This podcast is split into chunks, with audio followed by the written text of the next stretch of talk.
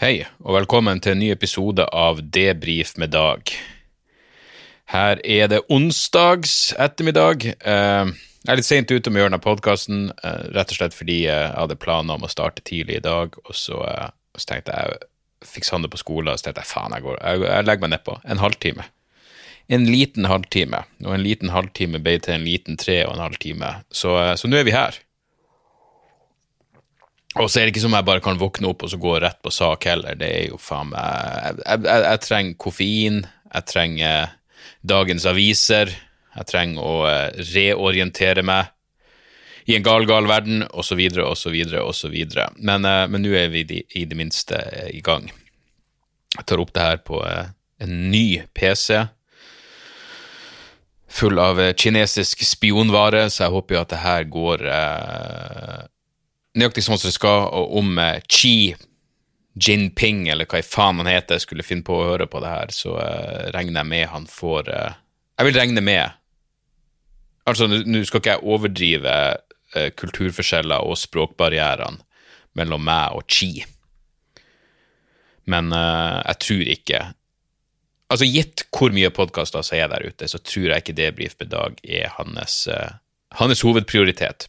Men det får nå en gang være. jeg har vært litt heldig så Det bekymrer meg litt når Morty Dog ikke har fulgt etter meg inn på på kontoret, fordi han har hatt sånne Han er jo faen meg allergisk mellom alt mellom himmel og jord. Uh, vi drev jo og ga han uh, Vi kjøpte sånne hemppinner uten THC, men uh, hundesnacks lagd av hemp, som det nå viser seg at han reagerer faen meg på dem også. Så alt han kan spise nå, er den veganske hundematen og søtpotet og gulrøtter. Vi kan snike i han en agurkbite og der, jeg måtte si til fruen det her tar vi på, på julaften, når, eh, når, man skal kose seg litt ekstra. En rød salatbite. Men utenom det så kan han jo faen ikke spise noen verdens ting. Og i går hadde han en sånn eh, Han var helt Han var så skjelven. Han var helt Dagfinn Lyngbø. Det var liksom full fuckings Parkinson-modus. Han bare skalv. Og jeg skjønte ikke hva problemet var, men jeg tok han opp på fanget. Og, eh, og da fant han roen. Så kanskje han bare Kanskje han bare jeg vet da faen, savna nærhet med pappa. Han er, jeg, jeg, jeg, Det har blitt noen hunder opp gjennom tiden. Eh, egentlig ikke så mange. Vi ser vi hadde Raja, og så Terra da jeg vokste opp, og så var det Henrik. Så har det vært Chomsky Dog, og så nå er det nå er det Morty Dog, så ja. Men uansett, Morty Dog er uten tvil den som har eh, Det er klart han er jo en Toy Dog i tillegg har mest behov for sosial kontakt og nærhet. Han er Altså, når jeg, når jeg står opp om morgenen og Ja, da er jo eh, Da er det bare jeg og han hjemme.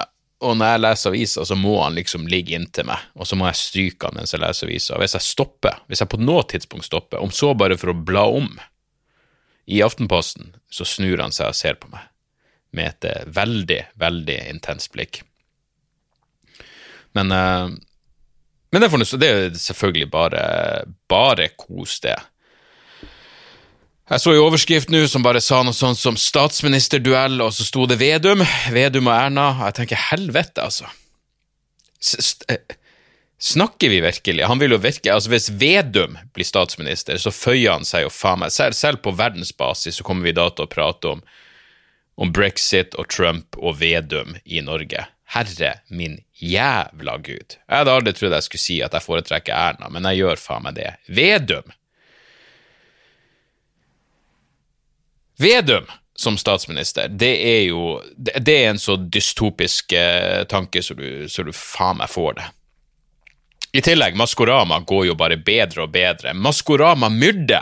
Hva, hva må La oss, la oss myrde deltakerne neste gang. La oss myrde trollet eller hvem enn som ikke er kommet ut av skapet i Maskorama enda. Det, det hadde i det minste vært gøy. Hvis man bare tok trollet ut Jeg tror det er trollet som er igjen. Jeg vet Anne Rimmen kom jo ut som eh, eh, ekorn eller kanin eller hva faen det var for noe.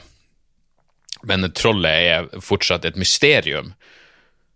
Det hadde vært gøy hvis vi bare myrda trollet, og så tok vi av kostymet for å se hvilken kjendis som skjulte seg bakom, for, for å se om vi ble lei oss eller ikke.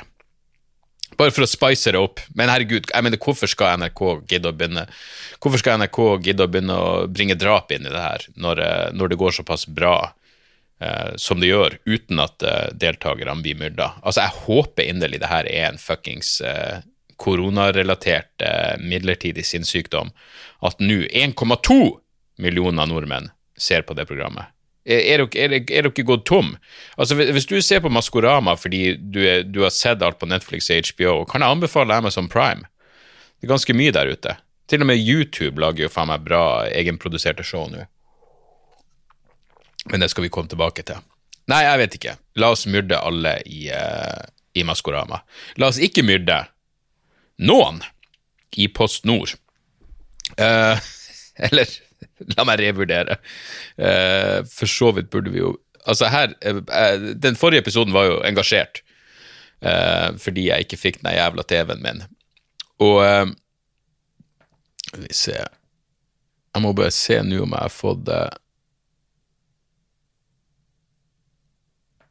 Faen, det her er ikke tida for å begynne å gjøre Det er ikke tida for å begynne å gjøre innstillinger på datamaskinen mens jeg holder på med det her, så la meg finne La meg finne telefon. Uh, de av dere som hørte forrige uke, vet jo at uh, jeg var i et helvetes humør fordi jeg ville myrde Ali på snor, fordi de er en generelt inkompetent bedrift som ikke klarte å levere TV-en min. Og så endte det jo opp med at uh, Alex på kundeservice gikk above and beyond og fuckings ordna opp i det her. Ikke bare ordna opp i det her, han, han, han, han fiksa alt, og han ringte meg og fortalte at nå har jeg faen meg fiksa en fuckings egen bil. På en lørdag. En egen bil som skal komme og levere TV-en din. Uh, det går også rykter om at Post Nord uh, Noen på Post Nord har hørt den forrige podkasten min, uh, og, og, det er jo utelukkende bra. Jeg føler jo at det er en slags det, det er borgerplikt å, å, si ifra. Men i hvert fall, Alex eh, ordna opp i alt. Og så deler jo jeg på um, Så deler jeg på Instagram at uh, 'Here goes my hero', og uh, linker til, til um, til Instagram-profilen hans, alt det der, og så skrev jeg bare at uh, Så skrev jeg bare at jeg, jeg regner med at Alex er forfremma akkurat nå. Det skulle da faen bare mangle. Eh, det viste seg at Alex eh, har mista jobben, eller eh, ikke fikk fornya kontrakt i Post Nord. Og det er jo en jævla tragedie. Så etter at jeg fikk nyss i det, så tenkte jeg bare ok, så dere fornyer ikke kontrakten hans, da skal jeg i hvert fall sende en, en mail med tilbakemelding så Alex får den, uh, den skryten han fortjener. Så det jeg skrev var følgende, og la meg understreke, jeg har, jeg har ikke ei søster, og jeg har ikke en stefar. Men med tanke på at Alex er ute av Post Nord, så skrev jeg til Post Nord, kjære Post Nord, jeg vil bare gi svært positiv tilbakemelding til en av deres ansatte i kundeservice som berget hele forrige uke for meg og familien min. Vi venter på en TV fra nett og nett, men pakken stoppet opp hos dere 24. november. Det å være uten TV midt i en pandemi, også løgn. Det å være uten TV midt i en pandemi var en småfrustrerende situasjon i seg selv, men ting ble ikke bedre av at det ikke kom noen oppdateringer på pakken. En lang og frustrerende historie kort. En ung mann hos dere ved navn Alex ringte meg opp etter at jeg hadde sett, sendt frustrerte mailer og Facebook-meldinger til dere, og berget hele situasjonen. Han tok affæren i egne hender, ringte opp det aktuelle lageret og fikset det slik at jeg fikk pakken utlevert denne lørdagen. Alex var hele tiden høflig, avbalansert og proff til fingertuppene. Men han gikk langt utover hva man kan forvente av en kundeservice i en travel julesesong. Han ringte meg til og med personlig for å forklare meg situasjonen, og ble etter hvert et anker av håp i en håpløs situasjon. Så takk. Takk for fantastisk service, og takk for en kundeopplevelse utenom det vanlige. Både stefaren og søsteren min jobber i kundeservice, Bring og Elkjøp respektivt, og de ble rett og slett mektig imponert over å høre historien om Alex. Det jeg lurer på, er om dere har en jobbadresse til han, slik at jeg kan sende han noen blomster. Jeg vet bare at han heter Alex, og at han hørtes relativt ung ut på telefon. For alt jeg vet, har dere forfremmet han allerede, he-he-he. Uansett, takk igjen, hører fra dere, med vennlig hilsen Dag. fikk svar kort tid etterpå. Nå var de raske å svare. Hei, Dag. Smileansikt. Utropstegn. Tusen takk for en utrolig hyggelig tilbakemelding. Så fint å høre at dere er fornøyd med kundebehandlingen dere fikk av Alex. Jeg har videresendt dette til han. Det tror jeg han vil sette pris på. Per nå har jeg ikke fått svar. De fleste av oss har hjemmekontor nå i disse tider, så jeg har dessverre ingen adresse å utgi for blomsterlevering. Men jeg oppdaterer deg selvsagt med dette om ønskelig når jeg får svar fra Alex. Ønsker deg en riktig fin dag enn så lenge. Med vennlig hilsen Elin. Kundebehandler på kundeservice. Vel, jeg håper Alex informerer Elin om at uh, han ikke Han har mista jobben! Han har faen meg mista jobben. Det eneste positive som noen gang har skjedd på Snor, er nå en saga blått i uh, konsernets relativt frynsete jævla historie. Så uh, Ja, så der, der har dere den. Det ordna seg til slutt. Jeg må også takke Jan Tore Christoffersen for at han lagde herlige memes med afrikanske barn som satt foran en eh, åttetommers TV og diskuterte hvor tragisk det er at jeg ikke har fått min 65-tommer. Men uh, alt det der er irrelevant nå, for TV-en er på plass, og uh, jeg er riktig, riktig så fornøyd. Uh, uansett jeg har jo um, fuckings Nå har jeg fått noen noe mailer om uh, den jævla blackface-debatten. Og det at TV Norge fjerner den nissene på tjo og hei, holdt jeg på å si. Uh, at Discovery har, har fjerna programmet. Jeg og uh, Gunnar Tjomlid prata faen meg en time om det der på dialoger, så hvis dere vil ha noe mer eller mindre utdypende uh, eh, spontane tanker om det, så, så, så, får dere eh, Så får dere høre på det. Men, men det, det er et eller annet med det enn at eh, Ja, altså, jeg, jeg, leste en Vi må ta den her. Jeg, jeg leste en det, det, er tydeligvis For det første, mitt, mitt, mitt problem med Discovery sin avgjørelse, er at den tydeligvis er utelukkende basert på en Instagram-konto drevet av én person. Og jeg vet at dette er en av de typen aktivistkontoer som mange komikere eh, jeg skal, si, jeg skal ikke snakke for andre, men er kritisk til. Jeg holdt på å si er redd for, men er kritisk til, fordi de driver og leter etter eh, alle jævla eksempel på, eh, på, eh, på rasisme i Norge som de da kan spre videre. Om det da er rasistisk, er selvfølgelig irrelevant, fordi kun ofrene kan definere hva som er, hva som er rasisme. Som han mannen bak Instagram-kontoen sa på et radioprogram, at jeg det skal ikke sitte liksom hvite folk og definere hva som er, hva som er blackface. Men Dagbladet hadde en helt fantastisk, et helt fantastisk debattinnlegg som heter Uh, selvfølgelig er det rasistisk. Lite visste jeg at førjulstida i Norge skulle bli ødelagt for mange, nettopp på grunn av blackface. For det første, lite visste du, og lite vet du vel fortsatt. Førjulstida ble ødelagt for mange av et ni år gammelt humorprogram på en kanal som ingen ser på. Ok? Meget mulig. Men det er jo nesten som man må, må, spekulere i om det er rasisme som gjør at Dagbladet setter det her eh, skriveriet på trykk. Fordi hun har altså noen påstander her. La oss bare, la oss bare holde oss eh, La oss bare holde oss til én spesifikk ting. For det første så skriver så skriver denne eh, dama Jeg vil gjerne starte med å si at jeg ikke tror Espen Eckbo er rasist. Det er ikke slik at fordi man påpeker at noe, noe han har skapt er rasistisk, så er han rasist. Hvordan man forstår dette, har litt med den forståelsen man har om rasisme. Enig så langt. Rasisme er kompleks. Enig. Det er over 400 år med rasistiske ideologier. 400 år.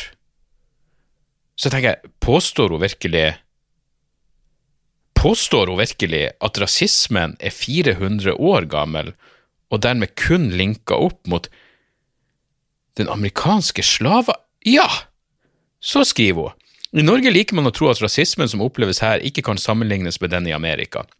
Vi liker å tro at ord og begreper som blir brukt i norsk antirasistisk sammenheng, er ord som bare kan brukes i amerikansk sammenheng. Rasisme er et verdensfenomen. Hele verden var involvert da kolonistene oppfant rasisme. Da kolonistene oppfant rasisme, så det var de som oppfant rasisme. Det er ikke et universelt menneskelig, tragisk fenomen. Det er noe som blir oppfunnet av kolonistene.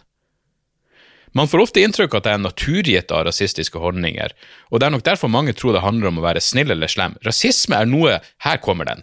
Rasisme er noe som blir konstruert av forretningsmessig interesse. Rasisme er noe som ble konstruert av forretningsmessig interesse på slutten av 1600-tallet for å kunne ta afrikanere som slaver. Slaver. Slaver.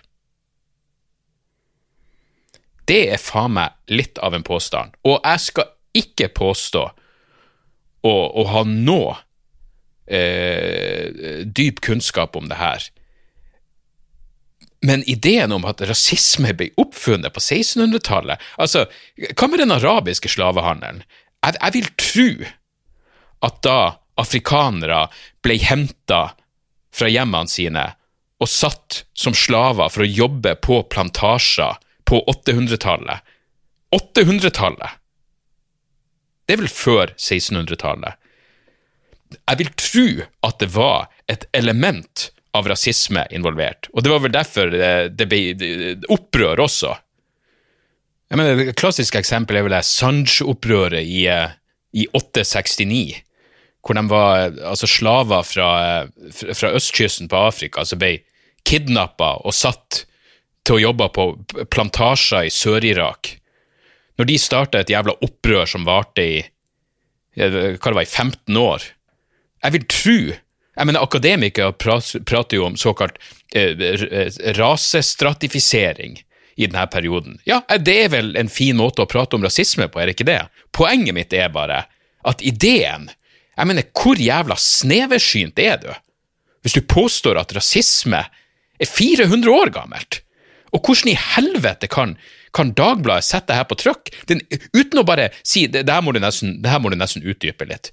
Den eneste konklusjonen som er logisk, er jo at det her er rasisme fra Dagbladet sin jævla eh, Hva de kaller det? The bigotry of, soft, uh, the bigotry of low expectations. Hvordan kan du sette det her på trykk uten å be om en liten oppklaring på hvordan i helvete du kan komme med en sånn påstand? Ja, nei, det, det, det, akkurat det er dypt deprimerende. Og, eh, og, så er det også denne ideen om at ja, men hvorfor? Hvorfor skulle eh, eh, Hvorfor skulle Espen Eckbo være i blackface? Hvorfor kunne de ikke da få inn en svart person til å spille den rollen? Vel, til det må jeg jo si kanskje. Bare, bare kanskje Espen Eckbo er et unikt humortalent. Jeg mener, jeg husker ikke den karakteren, jeg forsvarer ikke den. Men, men, altså, det er mulig at Espen Eckbo er et unikt humortalent. Eh, på samme måte som det er mulig at, at Dustin Hoffman er en bedre skuespiller enn en autist, og at det var en bidragsyter til at Rain, Rain Man ble en så bra film, som igjen forhåpentligvis bidro til større forståelse for folk på autismespekteret. Og det var, det var, faktisk en fin greie i, eh, i Aftenposten i dag av en eh, AUF-politiker som, eh, som, for det første har minoritetsbakgrunn sjøl, men i tillegg bare påpeker at det her er ikke den rasismekampen som er produktiv å føre. Det er andre ting som burde tas tak i. og ja, det er veldig lett å være enig i akkurat det. Så nå har jeg sagt det jeg har å si om det der faenskapet. Uh, for øvrig, la meg bare legge til, jeg syns Harald Eia hadde et veldig bra svar i VG, hvor han sa gjør hva dere vil med, med sketsjene våre. Vi lagde humor for folk på når en av, La oss si hans sketsj var fra 2000, jeg, jeg, husker ikke nøyaktig. Vi lagde humor for folk i år 2000, og hva de gjør med dem nå, er ganske irrelevant. Det, det, det er en fin holdning det er en fin holdning å ta. Og Jeg kan se begge sidene. Jeg ser liksom de som, de som fyrer seg opp, og på den andre sida er jeg helt enig i at man burde ha forståelse, og jeg vet ikke hvordan jeg ville reagert, det er rett og slett i min privilegerte posisjon, men ideen om at man ikke skal ha lov til å uttale seg Jeg mener, jeg så jo fuckings Thomas Hylland Eriksen, tross alt. sett på, eh, på TV 2 Nyhetskanalen og gi en historisk kontekst av blackface, eh, som da må være helt greit, i og med at han kan noe om den relevante historien. Og hvis du har et så jævla stort problem med at han er en hvit mann som sitter og forklarer det, så må du bare lukke igjen øynene. Sånn er det bare. Men, uh, men ja, jeg, jeg, håper vi kommer oss videre fra det der. og og jeg er litt spent på å se denne saken som NRK skal skrive, som jeg var intervjua til, som handla om uh, som skal handle om alt det klassiske, hvor vanskelig det er å være komiker nå. Og, og jeg ble overraska over å høre at jeg tydeligvis hadde et mindre Jeg, jeg prata om det her i den Patrion-episoden som kom ut for et par dager siden, hvor jeg og Kristoffer Schjelderup snakka om, eh, om, eh, om, alt mellom himmel og jord. Men i hvert fall den, den her ideen om at ja, det er det klassiske krenkorama-greiene, og alle så hårsår, og man kan ikke kødde med noen ting.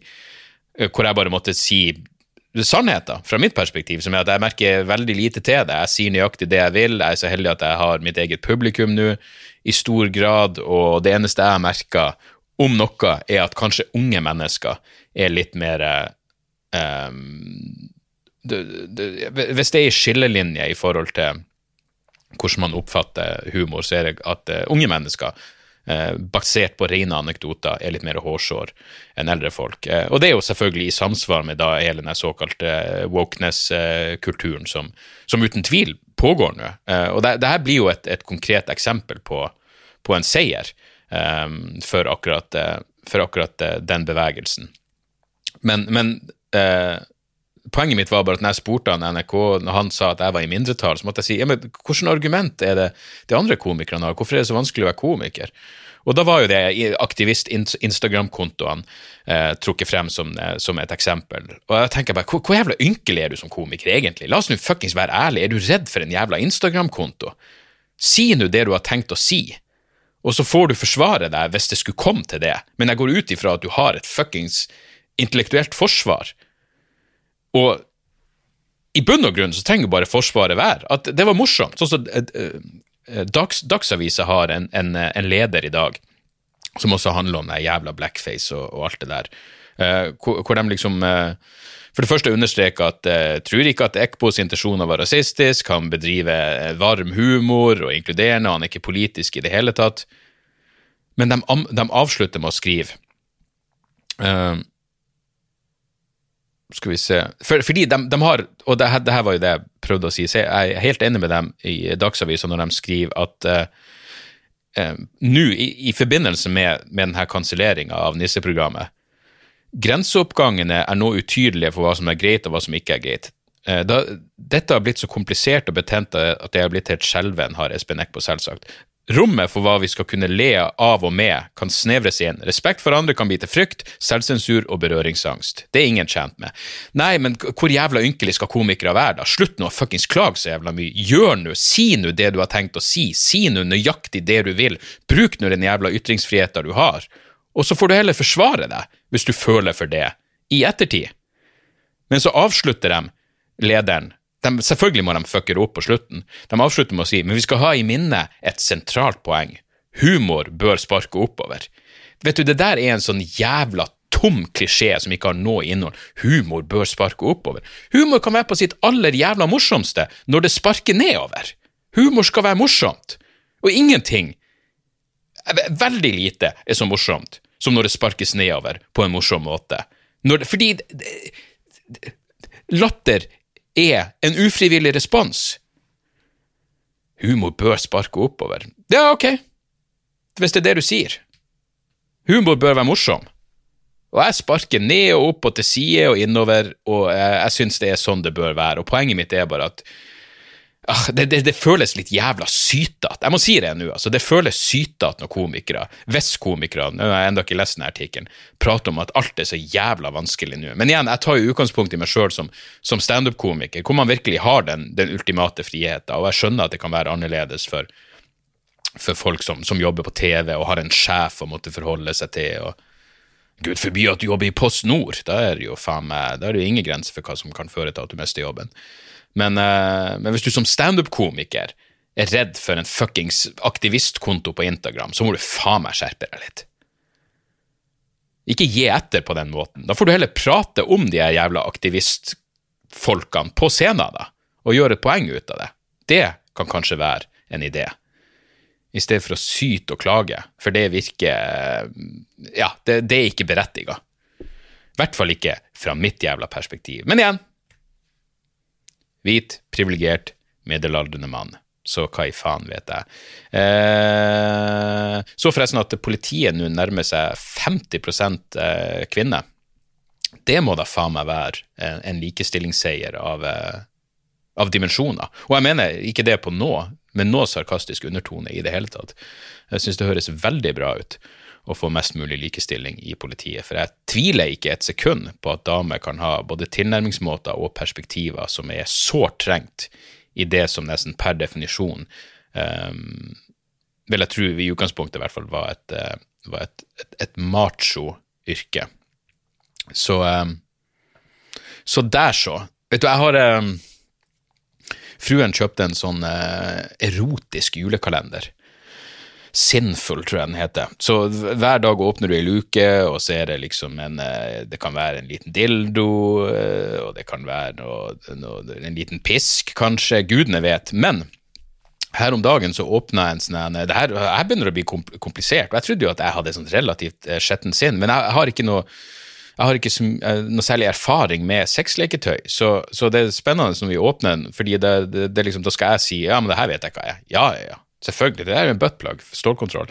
Men jeg åpna noen greier, jeg hadde ikke en fjerneste anelse om hva det var. Det var liksom to så runde stropper, altså to åpninger, men med forskjellig størrelse. En stor runding og så en mindre runding, og så var det åpning. Men uansett, poenget er den her skal rundt ballene. Altså, du skal ta den, den første du skal feste den rundt pungen, og så skal du feste den andre delen rundt kuken, og så skal du sette den, eh, den eh, lille vibratoren som vi åpna for to dager siden, den skal inn over der, så du skal pule da med den greia rundt ballene og kuken, og så skal det være en vibrator på toppen, på langs, som da skal ligge og, eh, og gjøre sin jobb. Jeg tenkte, nå begynner det for det første å bli komplisert. Jeg mener, det her begynner å bli sånn som blir vanskelig å gjøre uten uh, ja, det kommer selvfølgelig til å være eh, latter i starten, og så går det forhåpentligvis opp. Så kommer man forhåpentligvis inn i det. Men, men altså, jeg er det, det, var det her jeg var redd for med denne eh, kalenderen. For jeg, jeg, er klar for det meste, men akkurat det der med å snurre ting rundt ballene Det er derfor jeg ikke er noen kukring-fan heller. Jeg, jeg, liker ikke. Det, det, jeg tror oppriktig det er samme grunn som at jeg eh, helt, helt, fra jeg var ungdom, helt fra jeg skjønte at jeg hadde en eh, en interesse for uh, Helt fra jeg skjønte at jeg hadde en interesse for å forandre Midlertidig forandring av bevissthetstilstand. Helt fra jeg skjønte at rus var noe som, som var uh, fascinerende og interessant for meg så husker jeg pleide å tenke jeg kommer i hvert fall aldri til å bli sprøytenarkoman. Det kommer aldri til å skje, fordi jeg hater jeg hater ikke bare sprøyte, det jeg hater enda mer sprøyte når de, når de strammer de greiene for å få blodårene frem. Jeg syns av en eller annen grunn det er jævlig ekkelt. Og Jeg hadde en kompis på, på videregående som drev og gjorde det hele tida. Han hadde langt hår, så tok han hårstrekk og festa rundt armen, og så, og så kunne han bare sitte og presse frem blodårene, og plutselig sa han bare sånn pss, pss, pss, midt i mattetimen, så så jeg over, og så satt han der med fuckings blodårene piplende ut av armen, fordi han visste at det freaka meg ut. Eh, av samme grunn som det, så jeg er ikke noe fan av kukringer. Eh, og jeg er i hvert fall ikke fan av å få noe rundt ballene på den måten. Men, eh, men jeg blir selvfølgelig nødt til å prøve. Jeg blir selvfølgelig nødt til å prøve faenskapet, og så, så, skal jeg heller komme tilbake med en, en utfyllende rapport fra hvordan det gikk, når jeg er ferdig. Men, men, men, det er litt gøy. Men mye av det er litt sånn det er jævlig mye batteri, det er jævlig mye opplading. Det er sykt mye, I den kalenderen så er det jævlig mye med USB-opplading. Så, øh, og det er jo egg, og det er, ett egg så det kommer tunge ut av, og det her er jo spesielt. Heldigvis så kunne jeg bare sette på lading nede, nede i stua, fordi øh, hvis Sander spør hva det er, så sier jeg det er bare noen Bluetooth-høyttalere. Det er jo reisehøyttalere for Bluetooth, for det, det kunne det like gjerne vært. Om, om, det er en buttplug eller noe som du kan streame musikk fra, det er Ja. Derav strides strides de lærde. Uh, ja. Uh, der ser jeg at vi er på halvtimen.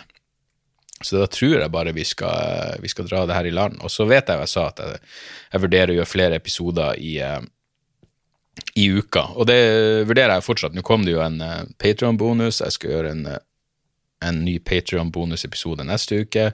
Uh, og um, ja, hvis jeg føler for det, så blir det en, en ekstra episode på, på fredag. Jeg har, jo, jeg har jo for så vidt flere ting jeg kunne ha snakka om, men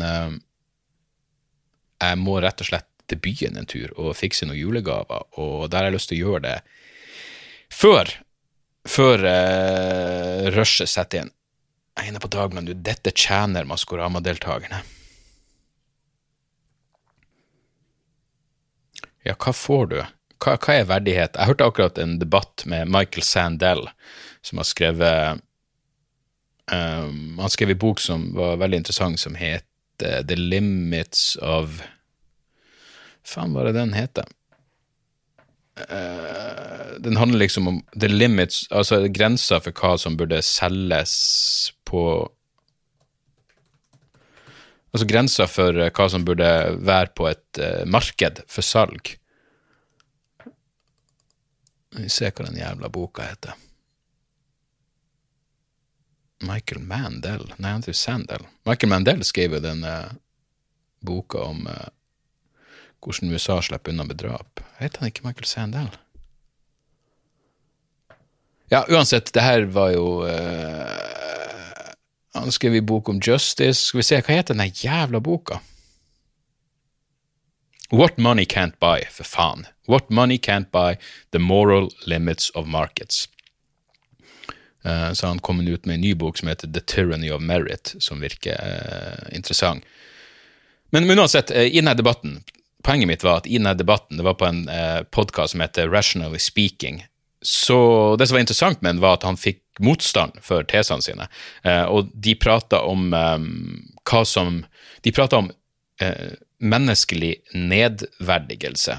Eh, og et av eksemplene han hadde, var um, hva hvis noen får betalt for å få logoen til et selskap tatovert i ansiktet? Så du får fuckings Jeg vet da faen ja, du får Coop-logoen tatovert i panna di mot betaling. Er det, eller er det ikke, en nedverdigelse av ditt menneskeverd? Uh, og de klarte rett og slett ikke å bli enige om det. og det, det er en interessant, Hvis du har litt sånn nerd, nerdete filosofiske tilnærminger og liker uh, hva det heter, å diskutere first principles, altså du vil ha, ha definisjonene dine klar, så er den, uh, den episoden interessant. Men poenget mitt er at de klarte ikke å bli enige om hva som var definisjon på nedverdigelse av menneskeverd, og da slo det meg, det er fordi de ikke har sett Maskorama. De vet, de har ikke sett nedverdigelse før de har sett Maskorama.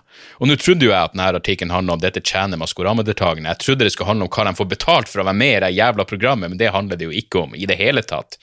Det er bare årsinntekter til de som er med i programmet. Og det lille jeg kan se, tyder jo på at Jan Thomas, Anne Rimmen, Nicolay Ramm og De tjener godt nok i utgangspunktet. Det de tjente i fjor, har det ingenting med Maskorama å gjøre. Hvordan i helvete kan du ha 3,5 millioner i året, og så føler jeg for å nedverdige deg med Maskorama? Det har jeg ingen, rett og slett ingen jævla forståelse for. Men så har jeg heller eh, heller veldig liten forståelse for de som vil ha Trygve Slagsvold Vedum som, eh, som statsminister. Men ja, fant jeg poenget med det jeg prata om der? Hva, hva, hva, hva, var det jeg gikk inn på der? Jeg aner ikke. Aner ikke. Uh, et par tips. Et par jævla tips her på slutten. Uh, dere burde forresten lese i, i, Aftenposten i dag, hvis dere virkelig syns at, at dere er litt for uh, at ting, at ting ser, Hvis dere føler at ting ser litt for, for lyst ut, så burde dere lese dagens Aftenposten, hvor det er en artikkel om al-Hol-leirer i Syria og radikalisering av barn. Altså, jeg tror det, jeg tror det eh, Hvis jeg husker rett, så er det 60 000 mennesker i den leira, og 45 000 av dem er barn. Og det er liksom en egen seksjon for uh, for IS-brudet og ungene deres. Så Aftenposten har og prøvd å snakke med en del av de ungene. Og der har du barn, altså unger, som leker halshogging og krig, og som går kledd som små IS-soldater, og som er så klar for å fære ut og hevne faren deres som ble drept på slagmarka i Syria eller Irak. Og uh, det er sånn, ja, de kommer til å bli et seriøst jævla sikkerhetsproblem uh, innen kort tid. Hva man skal gjøre med det, må gudene vite. Men det er jo naturlig. Jeg husker når jeg leste om uh, da USA drev og støtta mujahedin-krigerne i Afghanistan under den sovjetiske okkupasjonen, så drev de jo Jeg husker jeg hadde, en jævla bra vits om det, forresten. Så drev de jo selte, De drev jo og um, ga afghanske skoler lærebøker hvor regnestykkene var sånn eh, Hvis en snikskytter, en snikskytter, en mujahedin-kriger eh, sikter inn på en eh, sovjetisk soldat som er to, 250 meter unna, kula går hvor enn den går, hvor lang tid tar det før hjernen på den sovjetiske vantro blir avblåst? Altså Sånne ting lærte afghanske barn på skoler, og så kan man jo spørre hvorfor de vokste opp til å bli voldelige psykopater. Men det er tydeligvis eh, Ja, det er den, samme opplæringa de her ungene får. Liksom IS og Al Qaida og andre terrorgrupper inne og prøver å rekruttere. Det, det, er altså så inn i helvete bekmørkt som det er menneskelig mulig å få det. Så, eh, så hvis du føler for litt mørke i livet ditt, men nå som vi det kommer til å bli tvunget til å forholde oss til på et eller annet tidspunkt, så, så les Aftenposten sin greie i dag. Det er altså eh, Ja, hvis du tror du har en dårlig dag, tenk på hvordan det er å våkne opp som en fuckings tolvåring i Al-Hol-leira, og det du vet er at du har to timer koranlære på morgenen, og så skal du leke halshogging med kompisene dine, og så har du to timer koranlæring på kvelden. Og det er pensum. Dag ut og dag inn. Uff. Det er fuckings mørkt. Uh, et par tips på slutten, da noen hyggelige tips, oppriktig hyggelige tips. Sam Morell, fantastisk komiker, har en ny standup-special. Um, heter den On the Roof? Kan ikke være On the Roof. Han ga jo ut en special uh, for ikke så lenge siden. Men nå har han filma uh, bare en masse show på diverse tak. Up On The Roof heter den. Den forrige heter vel I Got This og var eh, strålende. Altså virkelig en av en av de beste en av de beste vitsespi, vitsespiserne, vitseskriverne der ute. Dritbra. Agatis var helt konge. Den kom ut i februar i år, faktisk, og nå har han en ny en som heter Up on the Roof ute. Vel, vel verdt å se. Ikke like bra, men, men, det blir jo det er helt annerledes. Fordi det han gjør, er å bare reise rundt i New York og bare samle folk på diverse hustak. og uh, Det er mye gull der. Og uh, ja, kanskje jeg nevnte nevnt der en, forresten i en annen episode, for jeg husker jeg så den etter at jeg hadde sett den der um, utrolig triste Netflix-kortfilmen If Anything, If Anything Happens, I Love You. Så altså, kunne bare ikke det være det siste jeg så på før jeg gikk og la meg. Men i hvert fall, uh, den Sam Orill-greia er, er, dritbra. Og så, det her er vel et par kompiser som har tipsa meg om, men omsider satte jeg meg ned for å se Wayne. En YouTube-produksjon og det her er altså rett og slett dritbra. Det er en serie om et ungt um, Den kan minne litt uh, om den serien som heter uh, Hva faen heter den? The End of the Fucking World, var det ikke det den heter? Om de to tenåringene som stikker, som stikker av i lag. Jo, Altså, Hvis du likte The End of the Fucking World, så må du se Wayne. Jeg vet ikke hvordan det fungerer. Jeg har et YouTube premiumabonnement. Det er mulig du må ha det for å se den serien. Men altså, Wayne er dritbra.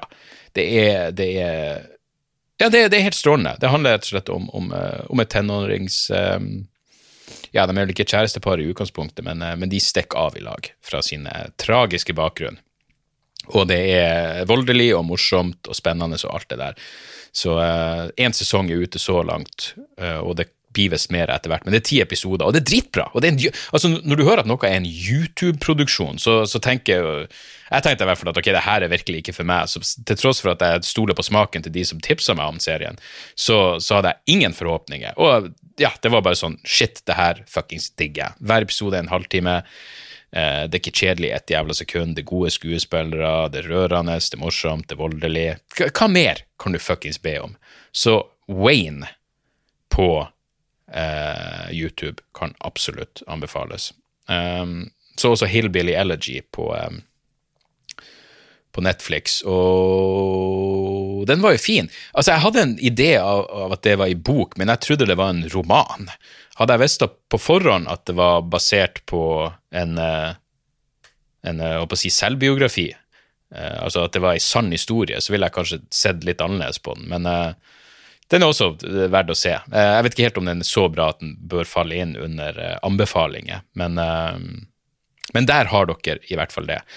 Ellers har jeg delt på Instagram har Jeg delt, jeg liker jo å lage de her listene, så jeg har delt mine topp ti, eller topp elleve, ble det vel, favorittbøker som jeg leste i 2020.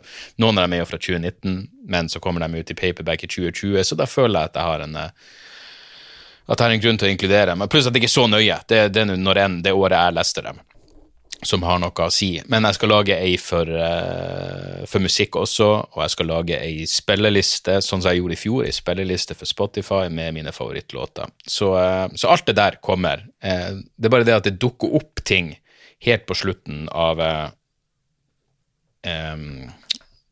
Jeg finner ut hva den plata heter det dukker opp ting helt på slutten av året eh, som liksom som bare blir sånn Shit, det her er kanskje noe som burde være på topp ti-lista.